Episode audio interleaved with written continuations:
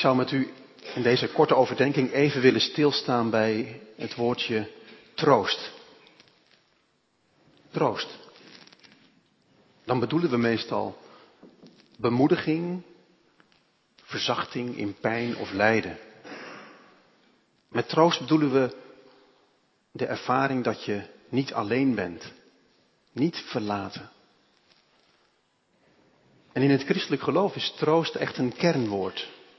Een van de drie personen in God, de Heilige Geest, noemt zichzelf de trooster. Dat is, zeg maar, zijn ding. En Jezus zegt, die geest is een andere trooster. Daarmee zegt hij eigenlijk dat hij zelf de eerste trooster is. Jezus en de geest, zij zijn in de business van troosten. Van mensen zo stempelen dat ze zich niet alleen voelen, niet verlaten. In een gure wereld. In een gebroken bestaan. Troost, je kunt het ervaren in een welgekozen woord. Troost, je kunt het ook ervaren op momenten dat er helemaal geen woorden klinken. Ik las deze week over de Spaans-Baskische katholieke priester en theoloog Ignatius van Loyola. Hij was ooit in de 16e eeuw de stichter van de Jezuïetenorde. Nogal, nogal um, radicale stroming, orde in het katholicisme. En hij, hij moest daar echt voor vechten om ruimte te scheppen voor zijn orde. En in de laatste jaren van zijn leven woonde hij in Rome en raakte hij verwikkeld in allerlei kerkelijke intriges en kerkpolitiek en deed hem geen goed. Hij had het er zwaar mee. En een huisgenoot van hem vertelt dat in die laatste jaren, soms midden in de nacht, als het hem even te veel werd, Ignatius naar het dak van zijn gebouw klom. En daar onder een open sterrenhemel in woordeloos gebed verzonk, terwijl de tranen over zijn wangen stroomden. Troost. De ervaring dat je niet alleen bent, niet verlaten. Opgevoed in een reformatorisch gezin denk ik bij troost ook aan de Heidelberger catechismus. U weet wel, dat leerboekje voor de kerk, wat ook wel het troostboek wordt genoemd. En wat eigenlijk is, is georganiseerd in vragen en antwoorden. En de allerbekendste en eerste vraag is meteen de diepste. En in een vertaling voor jongeren luidt die vraag, wat is je enige troost tijdens je leven en als je sterft? En dan is het antwoord, van de eerste generatie protestanten. Dat ik tijdens mijn leven en als ik sterf niet van mijzelf ben. Mijn lichaam en ziel zijn van Jezus Christus, mijn zaligmaker. Hij heeft met zijn kostbaar bloed volledig voor al mijn zonden betaald en mij uit de macht van de duivel verlost. En zorgt zo voor mij dat geen haar van mijn hoofd vallen kan. Als mijn hemelse vader dat niet wil. Hij zorgt zelfs zo voor mij dat alle dingen meewerken tot mijn zaligheid. En door de Heilige Geest laat Hij mij zeker weten dat ik het eeuwige leven heb. En geeft Hij mij de wil en het hartelijke verlangen om voortaan voor Hem te leven. Als je deze geloofstaal op je in laat werken dan, en je probeert het te visualiseren, dan, dan proef je hoe iemand probeert te schetsen hoe het huis van geloof eruit ziet. Het is een warm huis. Met een grote tafel, door Jezus zelf gedekt. En een warm haardvuur dat altijd brandt op de energie van de Heilige Geest. En waar je ook bent geweest en waar je ook hebt uitgehangen. Je kunt in dat huis van God altijd terugkomen en je benen strekken onder Gods tafel. Je koesteren aan de warmte van zijn liefde. En aan de buitenkant van dat huis van geloof staat troost. De ervaring dat je niet verlaten bent, niet alleen. Troost is ook het kernthema bij de profeet Jesaja en met name in dat middengedeelte, hoofdstuk 40 tot 55. En wij lazen het slot. Maar het begint met Jesaja 40 vers 1. U kent het misschien. Troost, troost mijn volk, zegt jullie God. Spreek Jeruzalem moed in. En maak haar bekend dat haar slavendienst voorbij is. Dat haar schuld is voldaan. En Jesaja mag die woorden spreken tot mensen die midden in de ballingschap leven, ver, ver van huis zijn geraakt, geestelijk, mentaal, sociaal. En eerlijk gezegd vinden ze het nog wel best ook. Ze hebben het eigenlijk wel naar hun zin in Babel. Ze doen aan de Babylonische red race mee, waar niks voor niets is. Iedereen moet knokken voor zichzelf. En je je steeds maar weer moet bewijzen, elke dag. Dat je je plekje waard bent. Dat je ertoe doet. Er zit in dat Babelse leven veel druk. Veel stress. The survival of the fittest.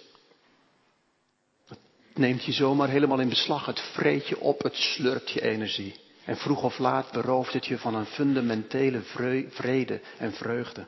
Want het is nooit klaar en het is nooit genoeg. En voor deelname aan de Babylonische red race betaal je een hoge prijs. Je verliest vroeg of laat een wezenlijk deel van wie je bent. En je komt er bij tijden helemaal niet meer aan toe om de mens te zijn zoals je was bedoeld. En tot die mensen, midden in de Babylonische red race, spreekt Jesaja geen woord van verwijt. Hij wast ze niet de oren, maar hij spreekt een woord van troost. En die troost ligt erin dat er midden in deze bezeten woelige wereld altijd, in iedere generatie opnieuw, een huis van troost staat. En dat God daar zelf in de deuropening staat. En zich niet te goed voelt om te staan roepen. Hierheen. Hier is water voor ieder die dorst heeft. Kom, ook al heb je geen geld. Kom, koop hier voedsel en eet. Koop voedsel zonder geld. Koop wijn en melk zonder dat het je ook maar iets kost. For free. Waarom sloof je je toch zo uit, zegt God daar in de deuropening van zijn huis vol troost? Waarom sloof jij je zo uit voor wat niet blijvend bevredigt? Waarom mat je je zo af met wat je honger niet werkelijk stilt, je, je dorst niet lest? Kom bij mij. Kom bij mij en je zult leven. Ik sluit met jullie een eeuwig durend verbond. Ik moet dan denken aan die handen in het schilderij van Rembrandt. Van die vader in de deuropening. En die handen heeft hij nooit ingetrokken. Het enige wat wel gebeurt is dat iemand er onder vandaan wegleeft. Maar die handen blijven daar. Tot een jongen, een meisje, een man of een vrouw zijn plek weer vindt onder die handen. Ik sluit met jullie een eeuwigdurend verbond en, sluit, en trek mijn handen niet terug. Er staat in dat warme huis van Gods eeuwige liefde een pan op het vuur. Een enorme pan, gevuld met ontferming, medelijden, genade en ruimhartige vergeving. En wie er voor het eerst of sinds lange tijd zijn benen ondersteekt, aanschuift, die krijgt er een overvloedig maal. Troost. Dat niets of niemand, ook ikzelf niet, mij kan scheiden van de liefde van God die er is in Christus Jezus onze Heer. De ervaring dat je niet alleen bent, nooit verlaten. Ja, het is wat onwennig op die drempel van Gods huis van troost, want ja, ieder brengt zo zijn eigen last mee. Er worden excuses gemompeld. Er wordt sorry gezegd. Er wordt spijt betuigd. Er is schaamte over wat onderweg is kapot gegaan, gebroken en verspeeld. Wat geknakt is en gebroken en uitgedoofd in Babel. Niemand komt dat huis binnen vanuit Babel met schone handen. Niemand is zonder compromissen. Niemand heeft zijn geweten rein weten te houden. Niemand heeft een zuiver hart. Niemand een onbevlekt blazoen. Ieder draagt met zich mee waar die liever niet aan wordt herinnerd. Iedere balling uit Babel die komt aanstrompelen is belast, bezwaard, besmet. Want Babel zit in mij en in jou. We zijn kinderen van onze tijd en we ademen het in en we ademen het uit. Babel dringt zich op ons, dringt zich aan ons op. Babel kruipt onder onze huid, kleeft aan ons klikt, met een, klikt te goed met een deel in mij wat altijd mijzelf centraal wil stellen. Ik zie in het huis van Gods troost een jongere binnenstappen met een gebroken hart. Verkering uit. Een moeder met pijn in haar buik iedere dag vanwege haar kindje wat vecht tegen een ernstige ziekte. Ik zie een depressieve vluchteling, al te lang aan de kant van de samenleving, wachtend op papieren, geen werk, geen zin, geen doel. Ik zie een ondernemer met een, met een hoofd vol financiële stress. Hoe krijg ik het gepast? Ik zie een politicus met vuile handen vanwege het zoveelste compromis.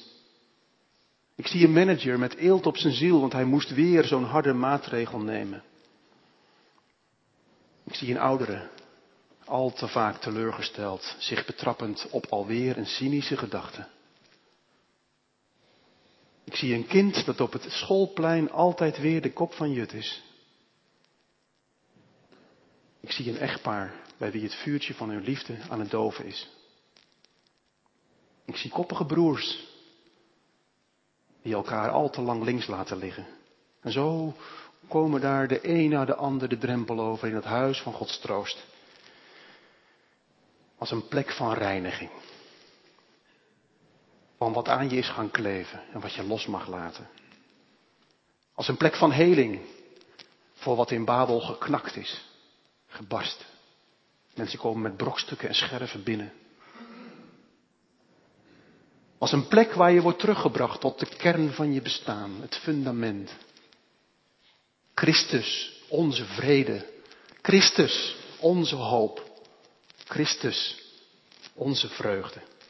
Christus, ons leven. En we smaken en we proeven de goedheid van de Heer. En we realiseren dat we wel in Babel leven, ook morgen weer. Maar niet van Babel zijn. En we zullen onze plaatsen weer innemen in Babel, met maar hopelijk met een ander hart, met een andere hartsgesteldheid. En met een nieuwe vrede waarin alles weer zijn juiste proporties heeft gekregen. Beste broers en zussen in het geloof, waar u, waar ik de laatste tijd ook hebt uitgehangen, hoeveel Babel u ook meezult en ik, vandaag wordt midden in uw leven een wonderlijke tafel neergezet. Een gestalte van Gods huis van troost. Er wordt op u gerekend hier, er is naar u uitgekeken, er wordt op u gewacht.